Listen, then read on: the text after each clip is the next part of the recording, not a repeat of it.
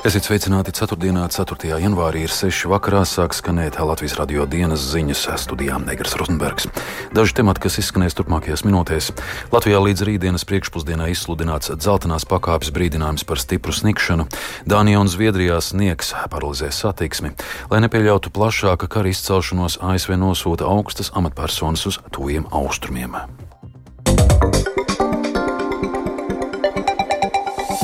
Latvijas vides geoloģijas un meteoroloģijas centrs no 6. vakarā līdz rītdienas priekšpusdienai izsludinājis dzeltenās pakāpes brīdinājumu par stipru snikšanu. Brīdinājums attiecas uz plašu teritoriju valsts austrumos, kā arī kurzemes ziemeļa austrumos. Šobrīd apgrūtināta braukšana ir lielā daļā vidzemes un latgales. Ļoti apgrūtināta braukšana ir uz valsts galvenajiem autoceļiem - Valmieras, Smiltenes, Cēs un Siguldas apkārtnē. Uzņēmuma Latvijas valsts ceļa pārstāve Anna Kononova Latvijas radio atzina, ka bez vajadzības labāk ceļā nedodas doties, bet, ja tas nepieciešams, noteikti jāatsveidzina ziemas braukšanas prasme uz Igaunijas robežas pusi, ziemeļvidzemi, tur, kur ir pat laba īpaši apgrūtināti braukšanas apstākļi. Tur ir pirmkārt zema gaisa temperatūra, pie kurām vairs nestrādā sāls, nekausē sniegu un ledu. Otrakārt ir putenis, līdz ar to ir gan apgrūtināta redzamība, gan šis vējš diezgan stiprais. Tad ir putenis un sniegs. Un trešā lieta, kas apgrūtina, ir vējš. Kolēģi, kas nodarbojās ar uzturēšanu, pat labi ir nokaisījuši piemēram ceļus šajā reģionā ar sāls un smilts maisījumu, bet vējš šo maisījumu vienkārši nopūšas no ceļa. Tātad ir jārēķinās, ka ziemā mēdz būt laika apstākļi, pie kuriem uzturēšanas metodas, kuras mēs pielietojam, gan mēs, gan citās valstīs, ir maz efektīvas vai pat brīžiem nestrādā pavisam. Tas nozīmē, ka tuvākajā diennaktī tiem, kas plāno savus braucienus, pirmkārt, pirms kaut kur toties, ir jāieskatās kartē. Mūsu mājaslapā www.ceļu.lv tur var redzēt, kuros reģionos kāds ir šis stāvoklis uz ceļiem. Un, ja mēs redzam, ka karte ir sarkana, kā pat labam vidzemē, ir vērts apdomāt, vai tiešām braucieni ir nepieciešami, un ja tie ir tādi, kurus var atlikt, tad labāk atlikt. Ir noteikti jāieplāno papildu laiks ceļam un jābrauc īpaši piesardzīgi. Jābūt šim ziemas braukšanas prasmēm. Tā uzņēmuma Latvijas valsts ceļa pārstāve Anna Kononova. Pamatīga sniega vētra skārusi Zviedriju, Dāniju un Norvēģiju. Zviedrijas dienvidos uz ceļiem bija iestrēgušas ap tūkstošu automašīnas. Arī Dānijā sniegs daudz vietu paralizējis automašīnu satiksmi. Glābšanas dienas aicinājuši bez vajadzības vajadzības nepamest mājas. Lielais putenis ir daļa no vētras Henk, kas aizvadītajās dienās plosījās Lielbritānijā un Francijā. Jaunāko informāciju apkopojas mūsu Brīseles korespondents Arķums Konhūs. Sniega vētra sasniedza Zviedrijas dienvidus un Dāniju trešdienas vakarā, un daudz viet paralizēja satiksme. Lai palīdzētu uz ceļiem iestrēgušajiem cilvēkiem, Zviedrijā glābējiem pievienojās armijas tehnika. Tomēr, kā liecina autovadītājs Noras Andersens pieredze, gaidīšanas laiks tik un tā bija diezgan ilgs. Laikam tas ir briesmīgākais, ko es jebkad esmu piedzīvojusi. Tiklīdz es izbraucu uz šoseis, viss pēkšņi apstājās, un tā es te esmu pavadījusi jau 21 stundu. Man ir pirmā tipa diabetes, kas nozīmē, ka man ir regulāri jāēd, bet es to tagad neesmu darījusi jau pusotru dienu. Tādēļ mans cukura līmenis asinīs ir nedaudz nestabils. Es uzrakstīju Facebook, ka man ir vajadzīga palīdzība, jo esmu te sēdējusi tik ilgi. Tad kāds ļoti jauks vīrietis ar mani sazinājās un teica, ka viņam mašīnā ir dzēriens. Viņš atradās ne tālāk par 300 metriem no manis, tādēļ es aizgāju līdz viņa mašīnai. Dānijā varas iestādes iesaka iedzīvotājiem pēc iespējas palikt mājās, it sevišķi otras lielākās pilsētas Orhusas apkaimē. Līdzīgi brīdinājumi izskan arī par pārvietošanos Norvēģijā, galvaspilsētas Oslo tuvumā. Vairākās pašvaldībās Norvēģijas dienvidos ir slēgtas skolas. Gan Norvēģijā, gan Zviedrijā, gan arī Somijā saglabājas ļoti augsta temperatūra. Oslo apkaimē sals var sasniegt mīnus 25 grādus, savukārt Zviedrijas un Somijas ziemeļos pat mīnus 42 grādus. Arčuns Kanhos Latvijas Rādio Briselē. Lai nepieļautu plašāka kara izcelšanos, Amerikas Savienotās valstis nosūta augstas amatpersonas uz tojiem austrumiem. Uz tojiem austrumiem dosies ASV valsts sekretārs Antonijs Blinkens un ASV prezidenta īpašais sūtnis Ēmos Hochsteins. Amatpersonu vizīti izziņot pēc tam, kad Irānā divos sprādzienos pie nogalinātā revolucionārās gvardes ģenerāļa kapa bojā gājuši vismaz 95 cilvēki, vairāk nekā 200 ievainoti. Dienu iepriekš Libānas galvaspilsētā Beirūtā nogalināts Hamas līderis Sāleks Al-Arūri. Blinkena un Hofsteina vizīšu galvenais nolūks būs mazināt spriedzi starp Izraēlu un Libānā bāzēto radikālo kustību Hizbullah, kas kopš Gāzes kara sākuma ir pastiprinājusi uzbrukumus Izraēlas ziemeļiem. Krievija plāno iegādāties Irānas to darbības rādījusa balistiskās raķetes. Teherāna tās varētu piegādāt Maskavai jau pavasarī. Tāds saucoties uz vairākām ASV amatpersonām, vēsta laikraksts The Wall Street Journal. Irānā ražotie ieroči būtu papildinājums raķešu palaišanas iekārtām un raķetēm, ko Krievija nesen iegādājusies no Ziemeļkorejas. Turpina Rustams Šukurovs. Kā laikrakstam norādīja ASV amatpersonas, ziņas par Maskavas vēlmi iegādāties Irānā ražotos ieročus apstiprinājās, kad pagājušā gada decembrī Krievijas delegācija apmeklēja Irānas poligonu, kur tiek testētas balistiskās raķetes, to palaišanas iekārtas un cits aprīkojums. Amatpersonas arī atzīmē, ka raķetes un palaišanas iekārtas Krievijas delegācijai prezentēja Irānas Islāma revolucionārās gvardes korpusa aviācijas un kosmosa spēku pārstāvji. Tāpat amatpersonas piebilda, ka, lai gan Krievijas sarunas ar Irānu par ieroču iegādi aktīvi virzās uz priekšu, abas valstis visticamāk vēl nav parakstījušas attiecīgos līgumus. Polijā šorīt atsākusies kravas transporta bloķēšana uz robežas ar Ukrainu pie Medika Šegīnī robežu kontrolas punkta. To dara polijas lauksemnieki. Ukrainas-Polijas robežas bloķēšana notiek jau vairākus mēnešus. Novembrī to uzsāka poļu kravu pārvadātāji, paralizējot robežu līdz pat decembrim, kad Ukraiņu un poļu amatpersonām izdevās vienoties. Robežu kontrolas punkts atsāka darbu normālos apstākļos Ziemassvētkos ikdienu, laižot cauri ap 300 kravas automašīnas. Turpina mūsu korespondente Ukrainā Indra Sprānce. Tagad poļi atgriežas pie bloķēšanas, draudot laist cauri robežai vien vienu vai pāris kravas automašīnas stundā. Oficiālais iemesls - poļu lauksaimnieki prasa subsīdijas kukurūzai, atbalsta pasākumus zemniekiem kredītu likvidēšanā un nodokļu saglabāšanu līdzinējā apmērā. Polijas lauksaimniecības ministrs jau ir paudis, ka prasības izpildīs, taču zemnieki vēlas rakstisku apliecinājumu un neslēpja atbalstu arī poļu kravu pārvadātājiem, kas sāka šos plašos protestus gadus. Kā poļu lauksaimnieki skaidro robežas bloķēšanas atsākšanu? Jums ir mūs jāsaprot, mēs rūpējamies par mūsu iekšējo tirgu. Mēs šeit maksājam nodokļus, mēs šos ceļus būvējam un remontējam, bet jūs pārvadātāji tikai izmantojat. Humanitārā palīdzība, pārtiks produkti, mēs to saprotam, tādas kravas laižam cauri. Piebildīšu, ka arī autobusiem un pasažieru automašīnām netiek liekts šķērsot robežu. Blokāda attiecas tikai uz kravas automašīnām mašīnām, neskaitot humanitāro palīdzību. Un šorīt iebraukšana Ukrainā gaidīja ap 800 kravas auto.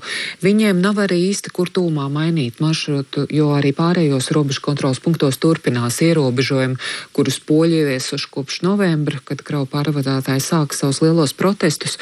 Viņi iebilst pret atvieglojumiem Ukraiņu pārvadātājiem, kas ieviest sākoties Krievijas pilnā apmēra iebrukumam Ukrainā. Apgrūtināta robežu čērsošana ietekmē uzņēmumus abās pusēs. Naudas izteiksmē zināms vien pašu Ukraiņu aplēses, eh, cik ir izmaksājuši šī blokāda kopš novembra sākumā. Kopējie zaudējumi lēsti ap 400 miljonu eiro vērtībā, un zaudējumi nav saistīti tikai ar pārvadājumu ilgumu palielināšanos. Iestrēgstot uz robežas, daudzas kravas var arī sabojāties, un novembrī Ukraiņa gaidīja, kad Polijā apstiprinās jauno valdību un ka tā varētu atrisināt šo samilzušo konfliktu. Polijas premjers Donalds Tusks vakar solījis pārliecināt autopārvadātājs izbeigt blokādi. Vienlaikus viņš arī ir solījis darīt visu, lai aizsargātu Polijas autopārvadātājs nevienlīdzīgajā godīgajā konkurencē ar Ukraiņas pārvadātājiem. Jelgavas nodā mežā pērn 2. novembrī nomas automašīna atrastais mirušais zīdainis Luīze Evertovska mirusi no zīdaiņu pēkšņās nāvis sindroma. Tas noskaidrojies ekspertīzēs, par ko informē valsts policijā. Zīdaiņa organismā nav konstatētas vardarbības pazīmes vai ķīmisku vielu paliekas. Eksperti konstatējuši, ka bērns miris 1. novembrī, kas ir apmēram 24 stundas pirms viņa atrašanās brīža 2. novembrī ap 11. Mirušās meitenītes māte Anna Jansoni joprojām nav atrasta. Valsts policija aizvien aicina ikvienu, kura rīcībā ir informācija, kas var noderēt sievietes meklēšanās, sazināties ar valsts policiju. Lai gan no šī gada visā Latvijā jāsāk bioloģisko atkritumu dalītā vākšana, pagaidām tai nav vērojama nedz iedzīvotāja atsaucība, nedz atkritumu apsaimniekotāja pastiprināta interese tos vākt. Plašāk Agnijas Lazdiņas ierakstā.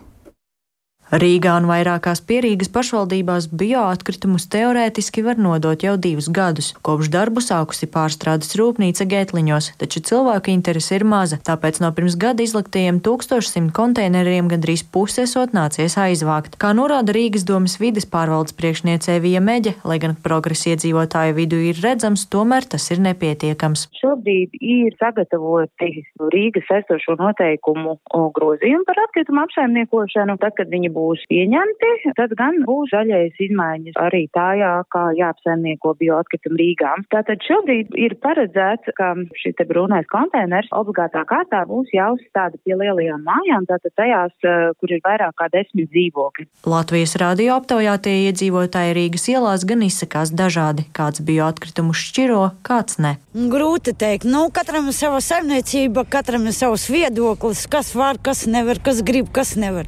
Un vai jūs šķirojat? Nē, mums vēl nav konteineru, un otrs ir tas, ka telpa neatļauj. Nu, nē, man ir privāta mājas, pats viņas tā kā šķiroja pie sevim. Līdzīga situācija ir arī citviet Latvijā. Piemēram, Liepājā bioatkritumu konteinerus masveidīgi izvietos pavasarī pēc jauna iepirkuma, stāsta pašvaldības izpildirektora vietnieks Mārtiņš Tīdens. Pilnīgi apzināmies šo lietas svarīgumu, un jaunajā iepirkumā ir paredzēts konteiners pie katras mājas un uh, tiks piedāvāts visiem. Bet, nu, jāsaka, ka visā valstī nu nav vēl sasniegts tas līmenis, ka cilvēki saprast visi, ka ir jāšķiro Tas ir obligāti un, attiecīgi, vadoties pēc pašvaldības saistošajiem noteikumiem, bioatkritumu konteineri ir jāuzliek. Tā norāda Vides aizsardzības un reģionālās attīstības ministrijas Vides aizsardzības departamenta direktore Rudīta Vesere. Saprotam, ka tam ir vajadzīgs laiks izglītot iedzīvotājs, skaidrot viņiem, cik tad un kāpēc to vajag darīt. Tas ir pašvaldības uzdevums, un uh, mēs šobrīd esam aptaujājuši visas pašvaldības Latvijā un patreiz viņu analizējam, lai saprastu, kādā veidā vēl palīdzēt pašvaldībām pašvaldībām strādāt gan ar iedzīvotājiem, gan arī dzen, par to, kādā veidā vislabāk šo situāciju atrisināt. Pētījumi rāda, ka bioloģiskie atkritumi varētu sastādīt ap 30 līdz 40 procentiem no kopējās sadzīves atkritumu masas. Agnija Lazdiņa, Latvijas radio. Šodien nosaukti Nacionālās kinobalvas lielais kristaps nominanti, kas izvēlēti ļoti sīvā konkurencē. Balvai pieteiktas 88 filmas, tostarp 35 filmetrāžas un 9 daudzsēriju. Lielā pieteikumu skaita dēļ eksperti darbojās divās atlases komisijās - viena spēļu filmām un animācijas filmām, otra dokumentālajām filmām. Visvairāk 12 nominācijas saņēmusi Staņislava Tokalova un Jūra Kursieša daudzsēriju filma Padomju džinsi. Deviņas nominācijas piešķirtas Lienas Lindes spēļu filmai Malnais samts. Abi darbi pabeigti pērnu un vēl gaida pirmizrādes. Savukārt balva par mūža ieguldījumu piešķirta filmu māksliniecei un ilgadējai Latvijas kinematogrāfistu savienības priekšsādātājai Ievai Romanovai. Lūk, ko viņa atzina Latvijas radio pēc paziņojuma par lielā Kristapa apbalvojumu. Kino savienības valdē mēs arī spriedām, kādi ir pretendenti. Pretendenti ir patiešām ļoti cienījami un ļoti pelnījuši. Un, kad man piezvanīja un teica, ka izlemts ir tā, es patiešām esmu samulsusi un apjukusi un tai pašā reizē ārkārtīgi nu, saviļņota. Filmām ir jābūt vairākām, lai rastos labas filmas. Katrs bērns nepiedzimst ļoti skaists. Mastu priedes neaug klajā laukā.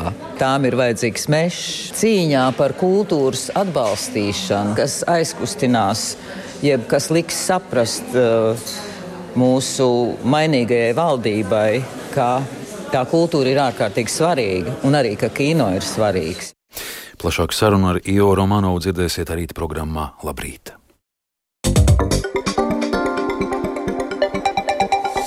Baltijas hokeja līgā vakar pēc Ziemassvētku brīvdienām atsākās čempionāts un neiztika jau bez pārsteiguma. Lietuvas komanda Kaunas City papildu laikā ar 3-2 pārspēja prizmu. Savukārt šodien Rīgā paredzēts duelis starp gados jauno hokeistu pārstāvēto HS Rīga un pastiprinājumus iegūšo Kurbats komandu. Turpina Lotārs Zariņš.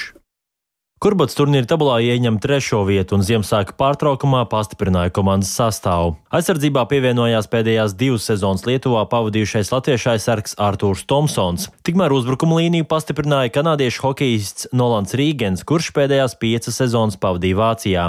Mainieki HS Rīga tabulā ieņem sasto vietu un pēc U20 pasaules čempionāta komandā atgriezušies vārdsargs Linards Felbergs un aizsargs Krīsts Retenais.